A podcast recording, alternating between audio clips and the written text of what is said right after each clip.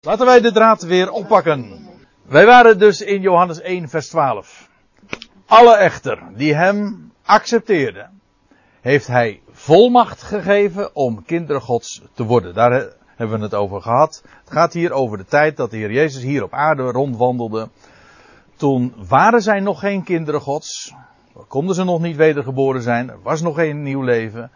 Maar volmacht hadden ze reeds ontvangen om dat te worden. Namelijk zij die in zijn naam geloven. En dan worden er drie tegenstellingen gebezigd. Aan de ene kant dus over uit God geboren zijn, nieuw leven verwekt.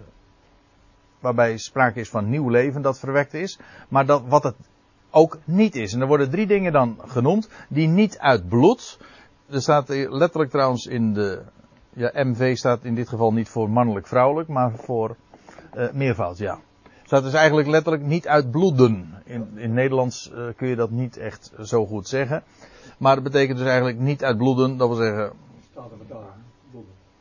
Meer, met, met een N? Oké. Okay. Uit den bloeden. Ja, ja maar wat, dat, dat, is wat anders. Dat is een andere aanval. Dus... Oh, ja, dat is zo goed.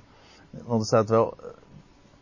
Uh, er staat geen N achter die uh, achterbloed. Nee, precies. Nou ja, hoe dat uh, dan ook zij. Maar in elk geval, in het Grieks staat hier dus bloed in het meervoud. En waarbij de gedachte is, ja, een mens die verwekt wordt, die wordt verwekt met een mannelijke en een vrouwelijke component, om zo eventjes zo, te zeggen. En dat is wat verwekt worden uit de mens wordt, uit de mens betekent. Maar dit staat daar tegenover. Het, is niet het heeft niet te maken met bloedband. Van de mannelijke kant of van de vrouwelijke kant. Nog uit de wil des vleeses. Waarbij ik in dit geval vooral denk aan het feit dat mens, een man en een vrouw één vlees worden. De seksuele omgang. Nog uit de wil eens mans. Waarbij vooral over, over de van de man sprake is in 1 Petrus 1. Dus ik citeerde zojuist ook al uit 1 Petrus 1. Toen uit het begin van het hoofdstuk, nu uit het slot van het hoofdstuk. Daar wordt gesproken over wedergeboren. Over de precieze betekenis trouwens van dat woord wedergeboorte gaan we het uh, later uitgebreider uh, hebben. Want er zijn namelijk nog verschillende termen voor, inderdaad, er is sprake over wedergeboorte, dus opnieuw geboren worden. Maar er is ook sprake van bovenaf geboren worden. En die begrippen worden allemaal uh, hetzelfde vertaald in, uh, in de ge gebruikelijke vertalingen. Terwijl het verschil wel degelijk betekenis heeft. Hier wordt dus gesproken over uh, wedergeboorte. niet uit vergankelijk zaad, maar uit onvergankelijk zaad. Nou, als we het hebben over niet verwekt zijn uit, een, een, uit de wil van een man, dan gaat het vooral over het vergankelijk zaad. Maar door het levende en blijvende woord van God. Dus echt leven. Maar omdat het echt leven is, namelijk geen sterven, maar opstandingsleven, blijft het ook. Het is onvergankelijk. Wel, dat is precies de karakterisering van het woord van God. Levend, krachtig woord van God. Als je daardoor verwekt bent, wel, dat staat uh, tegenover wat wij uh, hier in deze wereld kennen. Doch uit God geboren zijn. Eigenlijk, u ziet het trouwens in de interlineair. Doch uit God werden verwekt. Waarbij dat verwekt worden, dat heeft de betekenis van geboren doen worden. Je leest bijvoorbeeld dat in uh, Matthäus 1 uh, Juda verwekte. Hoe was het ook weer? Nee, uh, verwekte bij Tamar. Uh, Peres en uh, Serach. In ieder geval, dan wordt die term ook gebruikt en dan gaat het over het mannelijk aandeel. Dus wat aan het begin zeg maar van de voortplanting. Maar diezelfde term wordt ook gebruikt voor geboren worden, doen worden. Een vrouw doet namelijk ook geboren worden. Wij spreken dan in dat geval niet over verwekking. Omdat we altijd denken aan het begin zeg maar van de voortplanting. Maar het verwekt worden eh, dat heeft dus eh, te maken met de hele voortplantingsperiode. dus met recht dus geboren doen worden. Ja, dat kan slaan op zowel het mannelijk aandeel als het vrouwelijk aandeel, dus de geboorte zelf, dat wat de moeder doet. Hier wordt uh, gesproken, doch maar vanuit God werden verwekt. God is degene die door zijn woord levend wordt. Het woord ook van leven. Het woord aangaande het leven. Het woord dus van de opstanding van Jezus Christus. Daardoor wordt een mens tot nieuw leven verwekt.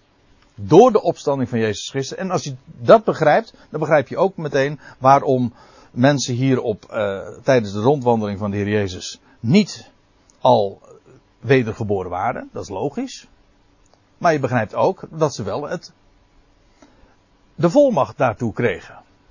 Omdat ze in zijn naam geloofden. En de Heer Jezus heeft gedurende zijn rondwandeling op aarde al daar altijd al op gezinspeeld, altijd al over verteld waartoe hij gekomen is.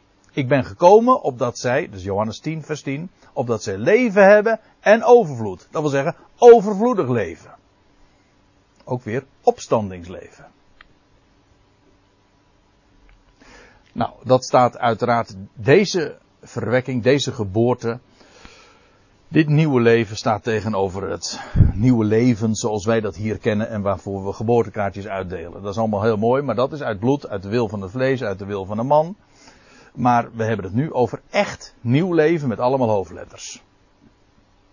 Wat op de derde dag aan het licht kwam. U weet wel, hè? op de derde dag was er een bruiloft in Cana en toen werd er water, wijn en zo. En dan, Johannes 1, vers 14. Nou, op dat vers hebben we al uh, diverse keren gezinspeeld. Ik heb het vol, volgens mij de vorige keer ook al aangehaald.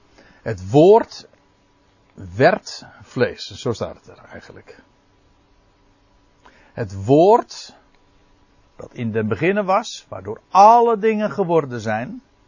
Het woord dat het leven is, het licht der mensen. Wel, dat woord is 2000 jaar geleden vlees geworden. Of het werd vlees. Ook letterlijk, hè? Bedenk je dat goed? Kijk, er staat in Lucas 1 dat die boodschapper komt bij Maria. En dan zegt hij: Kracht van de Allerhoogste zal u overschaduwen. En en daar, waardoor datgene wat uit u voortkomt, zoon Gods genaamd wordt. Dat wil zeggen, God zelf is de verwekker daarvan. Maar de hoe heeft God dat gedaan? Door zijn woord. Maria zegt ook, als die boodschapper eh, geweest is, mij geschieden naar uw woord. U hebt gesproken en dat woord zorgde ervoor dat zij zwanger werd. Daar kwam geen, er kwam geen mens bij te pas. Ik bedoel, geen, geen man. Dat was dus met recht een, uh, dat noemen ze in de biologie, partiogenese. Want in de natuur kennen we het fenomeen ook. Een maagdelijke geboorte. Hoe? Door woord. Mij geschiet daar uw woord. Het woord werd met recht dus vlees. Dat is, het klinkt misschien filosofisch, maar het is dus heel concreet waarheid geworden. Maria ontving woord. Want, zegt ze, uh, zo staat het er toch? In, in mij geschieden naar uw woord, want geen woord. Nou, ik weet het even niet zeker of zij dat nu zegt. Of. Moet ik eventjes checken. Hmm.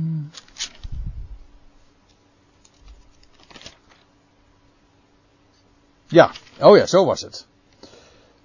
En, want dan zegt die boodschapper, en zie uh, in vers 36 van Lucas 1, en zie Elis, Elisabeth, uw verwante, is eveneens zwanger van een zoon in haar ouderdom, en dit is reeds de zesde maand voor haar, die onvruchtbaar heette. Dus dat is de moeder van Johannes de Doper. Want geen woord dat van God komt, zal krachteloos wezen. En Maria zeide, zie, de dienstmaagd des Heren, mij geschieden naar uw woord. Zie daar. Het woord werd dus vlees. Datzelfde woord waar ooit eens de hele wereld door ontstaan was, werd hier vlees. En zodat de Heer Jezus met recht dus het vlees geworden woord is. En je leest ook in Johannes, nee, dat is niet Johannes Evangelie, dan staat in openbaring 19, dat als hij straks zal verschijnen, nou moet ik weer even bladeren, Johannes 19, en misschien dat ik het zo meteen zie. Ja, in Johannes 19, pardon, openbaring 19. En dan staat er in vers 11, ik zag de hemel geopend. Dan zie je een wit paard en hij die erop gezeten was, dat is de prins op het witte paard dus, hè. En dan staat er even verder, ik sla een paar regels over. En hij was, vers 13, hij was bekleed met een kleed dat in bloed geverfd was. En zijn naam is genoemd het woord Gods. Zie daar, het vlees geworden woord Gods. Dat is zijn naam dus ook. Het woord werd vlees. En het heeft onder ons gewoond. U ziet, letterlijk staat er, woont in een tent. Andere vertalingen spreken over tabernakelen. Maar een tabernakel is ook niks anders dan in een tent verblijven. Woont in een tent. En dat vind ik nou grappig. Toch ook wel. Want de tabernakel had ook een voorbestaan. Zoals we spreken over het woord, het vlees. En hij was er dus voor alle dingen. In die zin. Dat gold voor de tabernakel ook.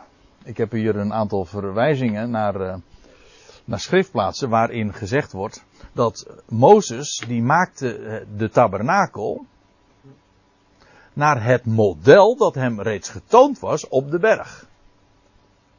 Hoe dat precies in zijn werk gegaan is, dat is nu even niet het onderwerp. Maar in ieder geval, Mozes die heeft dus een model gezien, visionair, whatever, maakt niet uit. Maar in ieder geval, hij heeft het gezien.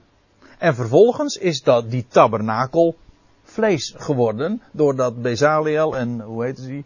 Oholiab, toch? Oho, ja, ik geloof het wel. Bezaliel en Oholiab, die tabernakel gingen bouwen. Toen werd die tabernakel, die eerst abstract, of visionair of getoond werd, werd vervolgens vlees. Als u begrijpt wat ik bedoel. Werd stof, kreeg stoffelijke vorm. Wel, het woord is werd vlees, het heeft onder ons getabernakeld. Als in een tent gewoond. En hij is feitelijk daarmee ook de, de heerlijkheid van God. Het heiligdom. God woonde onder mensen. Als een tabernakel. In hem. En wij hebben zijn heerlijkheid. Vind ik trouwens ook een mooi woord in verband met die tabernakel. Want wat gebeurt er als die tabernakel gebouwd is? Toen de heerlijkheid des Heren, de Shechina, die overschaduwde de, de, de tabernakel. En, en, we lezen dat Mozes dan daar intreedt en het volk uh, op, op gepaste afstand dat allemaal aanschouwt. Een heerlijkheid. De heerlijkheid, de Shechina van God. En zegt Johannes dan, wij hebben zijn heerlijkheid aanschouwd hier staat, wordt gesproken over, dus niet alleen maar over zien, maar over echt gadeslaan, aanschouwen. Dat gaat verder. Hè?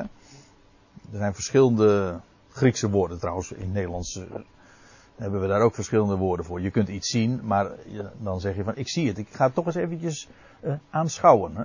Toch eens wat nader bezien. Gadeslaan. Waarbij Johannes het ook daarmee aangeeft, ik ben een ooggetuige. Johannes spreekt van dingen die hij zelf gezien heeft. En als ik het zo vertel, dan gebruik ik daarmee weer woorden waar hij zijn eerste brief mee aanvangt. 1 Johannes 1 vers 1. Dan zegt hij, hetgeen was van den beginnen. Je hoort hier gewoon, dit is dezelfde auteur. Het is dezelfde terminologie die hij bezigt. Hetgeen was van den beginnen, hetgeen we gehoord hebben, het is hier een opklimmende reeks van, van zintuigelijke waarneming. Hetgeen wij gehoord hebben, hetgeen we gezien hebben met onze eigen ogen, hetgeen wij aanschouwd hebben, dat is hetzelfde woord wat ook in Johannes 1 vers 14 gebruikt. Gadeslaan. Hetgeen wij aanschouwd hebben, en nu gaat het nog verder, hetgeen onze handen getast hebben Namelijk van het woord des levens. Kijk, dat is ook zo mooi, want in het woord is leven, ja, maar hij is ook opgestaan uit de doden. Hij is met recht het leven. Daar, daar, wees alles naar vooruit. Zijn hele bediening op aarde wees vooruit naar wat er zou gebeuren in zijn opstanding. Toen werd hij dus het levende woord. Om nooit meer te sterven. En dat hebben zij niet alleen gehoord, dat hebben ze niet alleen gezien met hun eigen ogen. Ze hebben het aanschouwd, ze hebben het zelfs met hun handen getast. Woord van leven. Levend woord. Vlees geworden woord. Vlees en beenderen. Geen vlees en bloed, maar daar hebben we het al een keertje eerder over gehad. Hè? Maar wel vlees en beenderen. Woord des levens. En dan zegt Johannes een heerlijkheid als van de enige geborene van de Vader. Wat voor heerlijkheid hebben zij gezien? Wel een heerlijkheid van een enig geborene, een enig verwekte van uh, bij, niet, staat eigenlijk niet van de, maar bij of naast de Vader. Dat is, en dat is letterlijk, maar daar had ik het al over. De Heer Jezus is verwekt door God en hij is ook daarin uniek. Geen mens die geboren is, kan zeggen wat, hij, wat de Heer Jezus kon zeggen, dat hij inderdaad de zoon van God is, verwekt door God zelf. Hij is met recht dus de enige geboren, in de meest letterlijke zin van het woord, de enige geboren van de Vader. De term wordt ook gebezigd voor uh, monogenes, dat is uh, in Hebreeën 11 voor Isaac. Isaac was namelijk ook een enige geborene. Zo wordt dat uh, tegen Abraham gezegd.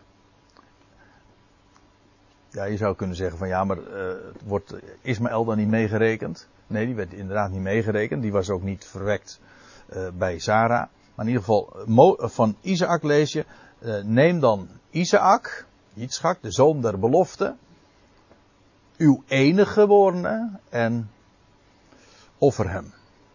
Op de plaats die ik u aanwijzen zal. En dan gaat hij op reis. En dan komt hij bij de plaats. Moria, waar later de Heer Jezus daadwerkelijk inderdaad geofferd is. En opgestaan is op de doden, uit de doden. Want het was op de derde dag hè, dat Isaac geofferd werd. Genesis 22. Kijk, een heerlijkheid als van een enige gewone van de Vader. Ja, dat zijn allemaal zo van die associaties die je dan links en rechts met allerlei andere bijbelse gegevens dan gaat leggen. Dus dan kom je van de tabernakel zomaar op uh, Isaac. En... Maar dat is bijbelstudie. Dat zijn zulke schitterende dingen. En Johannes die uh, zegt een heerlijkheid van de enige geboren van de Vader, vol van genade en waarheid. En weer wijs ik er eventjes op dat wie dit schrijft. Namelijk Johannes. Jaweh is genadig. En daar staat er vervolgens vol van genade en waarheid. Johannes heeft van hem getuigd. Ja, Johannes, de naam getuigt daarvan. Niet alleen Johannes heeft daarvan getuigd. Nee, eh, het is nu juist dat de naam Johannes getuigt al van hem die vol van genade is. Dat is namelijk de waarheid. Wat is de waarheid waar hij van getuigde? Dat Yahweh genadig is en dat bewezen heeft. Dat woord, Yahweh is genadig, is vlees geworden. Johannes heeft van hem getuigd, geeft getuigenis aangaande omtrent hem en hij heeft, u ziet letterlijk staat, hij heeft geschreeuwd, zeggende. Eh, geroepen is eigenlijk te mager. Het is dus echt luid roepen. Dat blijkt ook, want moet eens opletten. Het Griekse woord is kraso. En ons woord krijzen, maar ook het krassen van een kraai. Zou me niet eens verbazen, denk ik ineens, dat het woordje kraai ook nog weer met dat werkwoord te maken heeft. Maar goed, dat weet ik niet zeker. Maar in elk geval, trouwens, in het Engels zeggen ze cry. is ook schreeuwen. Ook huilen. Maar, maar, in elk geval, het is luid roepen. Dus het is maar niet zo uh, alleen maar roepen. Het is echt met luide stem roepen. De interlineairs geeft het heel uh, sprekend weer, met recht, schreeuwend weer. Hij heeft geschreeuwd, zeggende. Niemand kon het ontgaan. Hij heeft met recht dat dus getuigd. Johannes heeft getuigd en geschreeuwd, zeggende, deze was het, van wie ik zei, die na mij komt, is voor mij geworden. Dat ziet u het. Letterlijk staat het. Niet voor mij, voor mij geweest, is voor mij geworden. Iedere keer als dat woord klonk, wel, dan was hij dat. En Johannes wist dat. Johannes was slechts om daarvan te getuigen. Maar hij Johannes was niet het vlees geworden woord. De Heer Jezus wel. Zijn neef. Die na mij komt, is voor mij geweest. Hij was een half jaar jonger, de Heer Jezus. Ik, ik uh, wees er al even eerder deze avond op. Ja, maar in werkelijkheid was hij de eerste. Let op, want hij was eer dan ik. Hier staat in het Grieks het woordje protos. En dat is, betekent letterlijk eerste. Niet eerder, maar eerste. Het is een overtreffende trap. Nee, het is een, ja, het is de overtreffende trap, ja.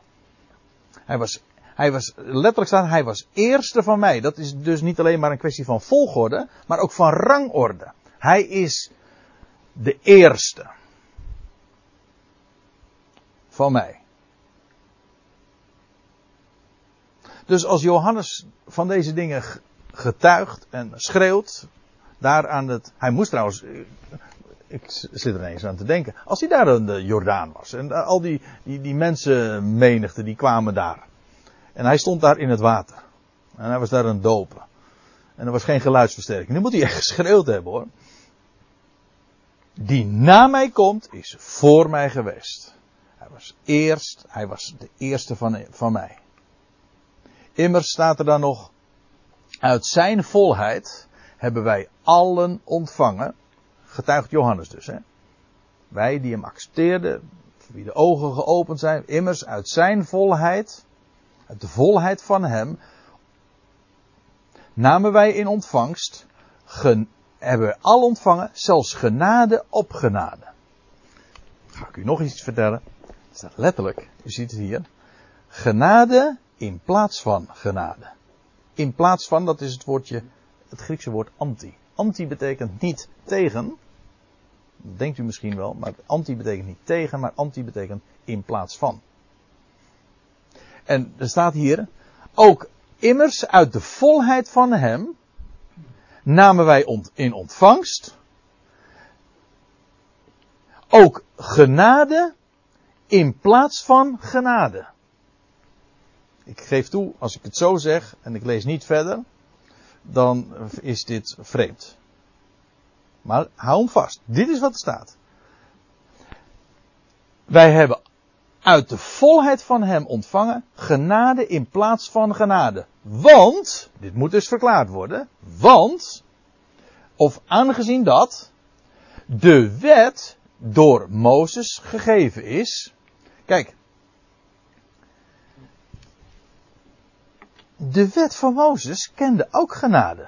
Het is niet zo van dat de Heer Jezus voor het eerst eh, kwam, of toen hij kwam en sprak van genade en men kende dat niet. Nee, de Heer kwam op een, Jezus, toen het woord vlees werd en hier op aarde wandelde en hij sprak, toen sprak hij van genade. Maar het was niet zo van dat dat een volkomen nieuw begrip was. Wel nee, de, Hebreeuwse Bijbel, de Tenach, staat er vol van wordt daar de, de Hebreeuwse Bijbel getuigd van genade. Maar in die plaats waar al genade gekend werd, daar werd nu opnieuw genade getoond. Genade op genade. Dus genade waar al genade was. Want de wet is door Mozes gegeven. Die sprak inderdaad ook al van genade. Maar nu is de genade en de waarheid in de MBG-vertaling staat, de genade en de waarheid zijn door Jezus Christus gekomen. Staat er nog mooier. Want, er staat letterlijk, uh, de genade en de waarheid werd door Jezus Christus. Hier ziet u trouwens weer zoiets bijzonders, want uh, uit werd blijkt in het Nederlands niet of het meervoud of enkelvoud is. In het Grieks wel. In het Grieks zie je enkelvoud. En dan zegt men, hé, hey, maar dat kan niet, want het is een stijlfout. Genade en waarheid, dat zijn er twee, en zou dus een meervoud moeten zijn. En de MBG geeft dat dan ook zo weer met de genade en de waarheid zijn door Jezus Christus gekomen. Staat er niet.